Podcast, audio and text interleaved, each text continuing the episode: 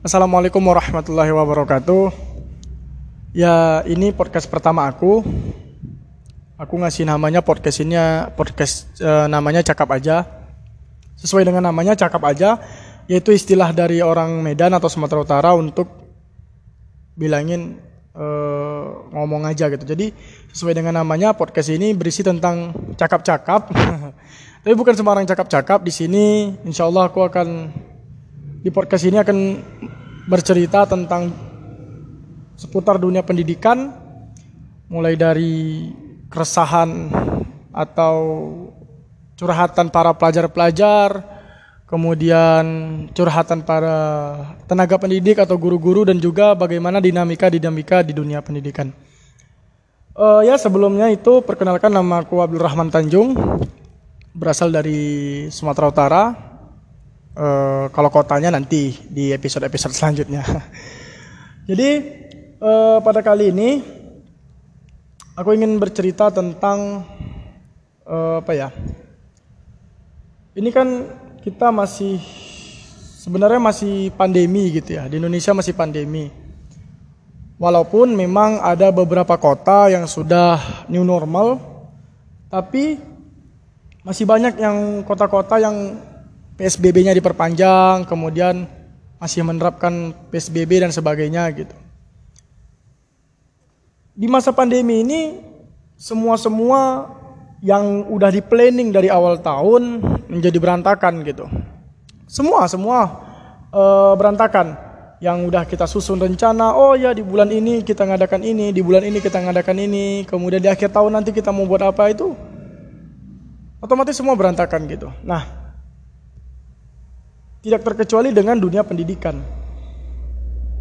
Dunia pendidikan seketika berhenti total dalam artian tidak ada kegiatan belajar mengajar secara langsung di sekolah atau di dalam kelas itu yang menyebabkan apa namanya eh, perubahan-perubahan cara belajar gitu khususnya di Indonesia. Nah setelah pandemi itu masuk kan kemudian sekolah-sekolah banyak yang diliburkan sesuai dengan juga arahan atau himbauan dari Kementerian Pendidikan bahwasanya mulai menerapkan uh, studi from home gitu kan atau belajar dari rumah itu yang membuat kita mulai membiasakan diri untuk melakukan kegiatan belajar dari rumah. Nah, uh, dari kegiatan tersebut pasti banyak apa ya plus minusnya gitu. Banyak plus minusnya banyak enaknya banyak gak enaknya dari para pelajar-pelajar gitu. Jadi aku mau bercerita tentang dinam apa ya e, bukan dinamika sih kegiatan kegiatan-kegiatan selama belajar dari rumah atau bisa disebut dengan curhatan-curhatan hati para pelajar lah gitu. Yang udah aku kumpulkan beberapa yang udah ada cerita sama aku juga tentang enak nggak sih gitu belajar dari rumah atau melaksanakan kegiatan pengajaran dari rumah gitu. Bukan hanya pelajar tapi juga dengan guru-guru gitu. Nah, jadi di kota tempat aku tinggal uh, sebuah kota kecil yang ya jaraknya nggak begitu jauh dari pusat atau ibu kota Sumatera Utara yaitu Medan.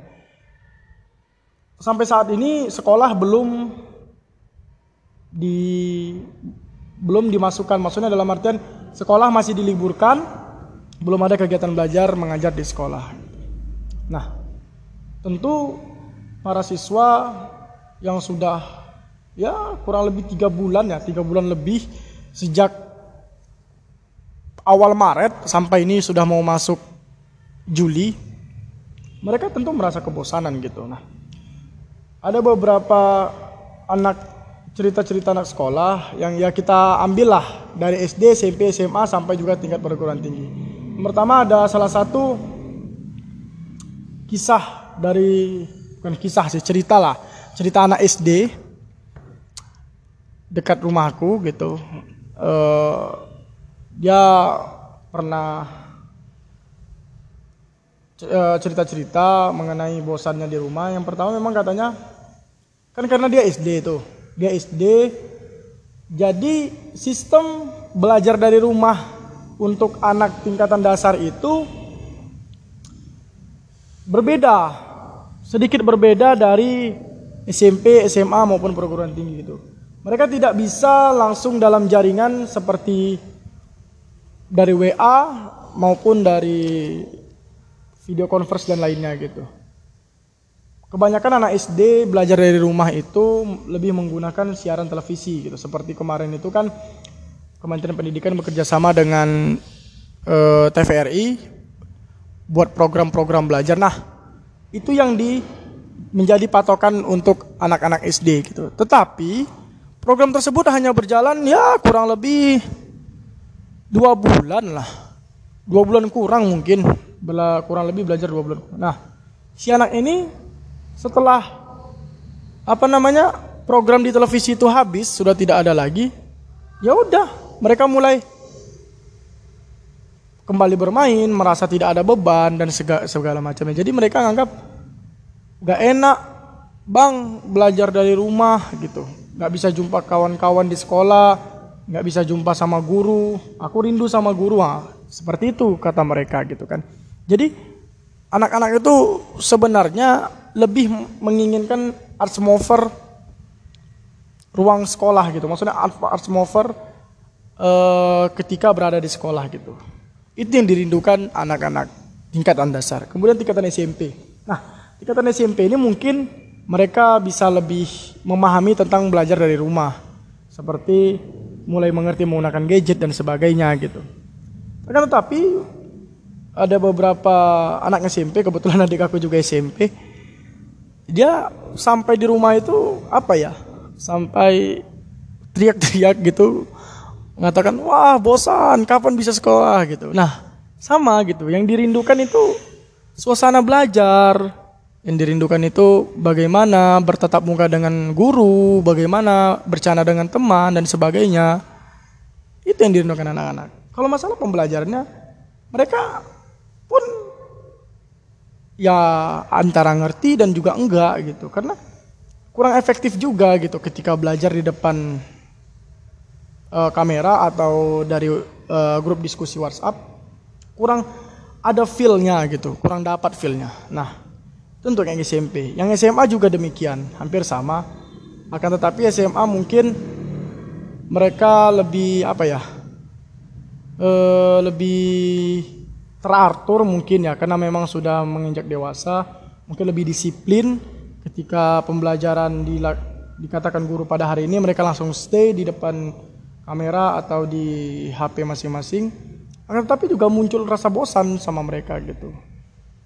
Nah yang tak terduganya eh, kemarin itu sempat eh, cerita-cerita sama salah satu teman juga dia juga sedang uh, apa namanya menempuh pendidikan strata 2 atau S2. Kita cerita sama beliau mengenai efektif nggak sih bang gitu uh, belajar dari rumah ini.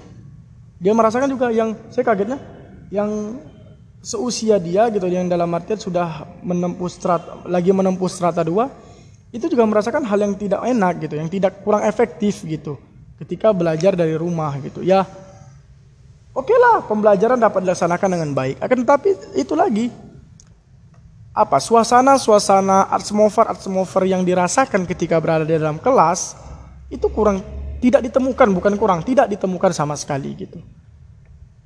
Oke okay lah diskusi tetap berjalan melalui aplikasi Zoom atau eh, aplikasi-aplikasi uh, yang lainnya gitu. Akan tetapi feel dari diskusi tersebut, kemudian ekspresi wajah, gimmick dan segala macam itu tidak dapat gitu, tidak merasakan ruhnya gitu. Jadi mereka beranggapan ya hambar gitu. Dan mereka terus terang mereka merasakan kurang, kurang menikmati apa itu yang disebut dengan belajar dari rumah gitu. Nah, dari beberapa jenjang pendidikan yang saya temui dan yang saya dapatkan cerita itu, saya mengambil kesimpulan juga eh, bahwa kebijakan eh, apa namanya kebijakan belajar dari rumah ini memiliki sisi positif dan juga memiliki sisi negatifnya gitu. Yang sama-sama harus kita terima. Sisi positifnya yaitu ya uh, kita dapat mengurangi uh, berkumpulnya orang di dalam satu tempat atau menjaga jarak, social distancing, kemudian uh, apa namanya lebih safety juga, tapi lebih banyak minusnya gitu. Dalam artian begini, bukan lebih banyak minus dalam hal yang buruk, tapi itu tadi yang saya sampaikan. Uh, lebih banyak hal-hal yang sebenarnya bersifat psikologi yang kurang didapatkan oleh para peserta didik gitu. Uh, apa namanya kesan-kesan psikologinya, kesan-kesan sosialnya itu kurang dapat gitu. Nah, seharusnya ini menjadi apa ya? Menjadi diskusi kita bersama bagaimana social distancing tetap ada nih gitu. Social distancing tetap ada, uh, jaga jarak, physical distancing dan segala macam tetap ada. Eh, tetapi ruh dari pembelajaran itu juga terasa gitu. Feeling dan atmosfer dari pembelajaran itu juga kita dapatkan gitu. Nah, itu yang harus kita diskusikan sama-sama kita pikirkan bagaimana caranya gitu. Apa yang harus kita perbuat dan apa yang harus kita sampaikan kepada pemerintah gitu. Nah, kemudian itu uh, dari dunia pendidikan gitu. Dari segi pelajarnya. Kemudian dari segi tenaga pengajarnya atau tenaga pendidiknya itu guru gitu. Nah, kebetulan saya juga eh, seorang mahasiswa dan juga seorang tenaga pendidik di salah satu SD. Eh, permasalahan tenaga pendidik itu bukan sesederhana yang kita bayangkan gitu. Maksudnya ya udah uh, kita bayangkan bahwa tenaga pendidik itu kerjaannya lebih ringan karena nggak nggak nggak nggak nggak mengajar anak-anak tidak Malah permasalahan yang dihadapi oleh tenaga pendidik itu kalau saya rasa lebih bertambah gitu. Yang pertama, saya menjadi tenaga pendidikan di salah satu SD swasta di kota saya.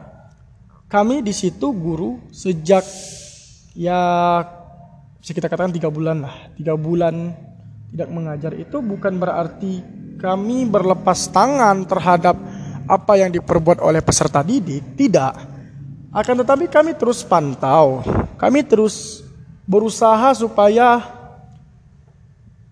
pembelajaran-pembelajaran yang sudah disusun di dalam RPP, silabus, prota, prosem dan sebagainya itu tetap kami sampaikan secara maksimal kepada peserta didik. Nah, yang kami kendalakan adalah memang pemikiran pem, uh, apa? Ya, pemikiran-pemikiran dari peserta orang orang tua peserta didik, terutama yang di swasta yang mengatakan bahwasanya ah nggak usahlah bayar uang sekolah. Toh juga apa namanya gurunya nggak ngajar gitu kan. Anaknya diajar orang tua di rumah ngapain dibayar uang sekolah? Nah itu yang yang sedikit kami apa namanya kami sesalkan kenapa sampai ada pemikiran-pemikiran seperti itu di kalangan orang tua murid. Nah eh, para tenaga pendidik para guru itu selalu menginginkan pembelajaran atau selalu mentransfer ilmu yang baik kepada peserta didiknya. Kami ingin peserta didik itu mendapatkan haknya sesuai dengan undang-undang dan kami tidak ingin peserta didik itu terlantar gitu hanya karena pandemi yang melanda ini gitu.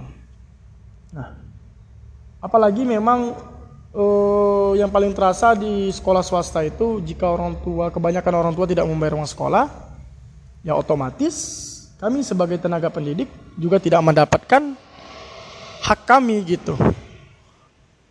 Juga tidak mendapatkan apa yang seharusnya kami dapatkan gitu. Nah, eh sebenarnya apa namanya guru juga sudah mencoba yang terbaik gitu.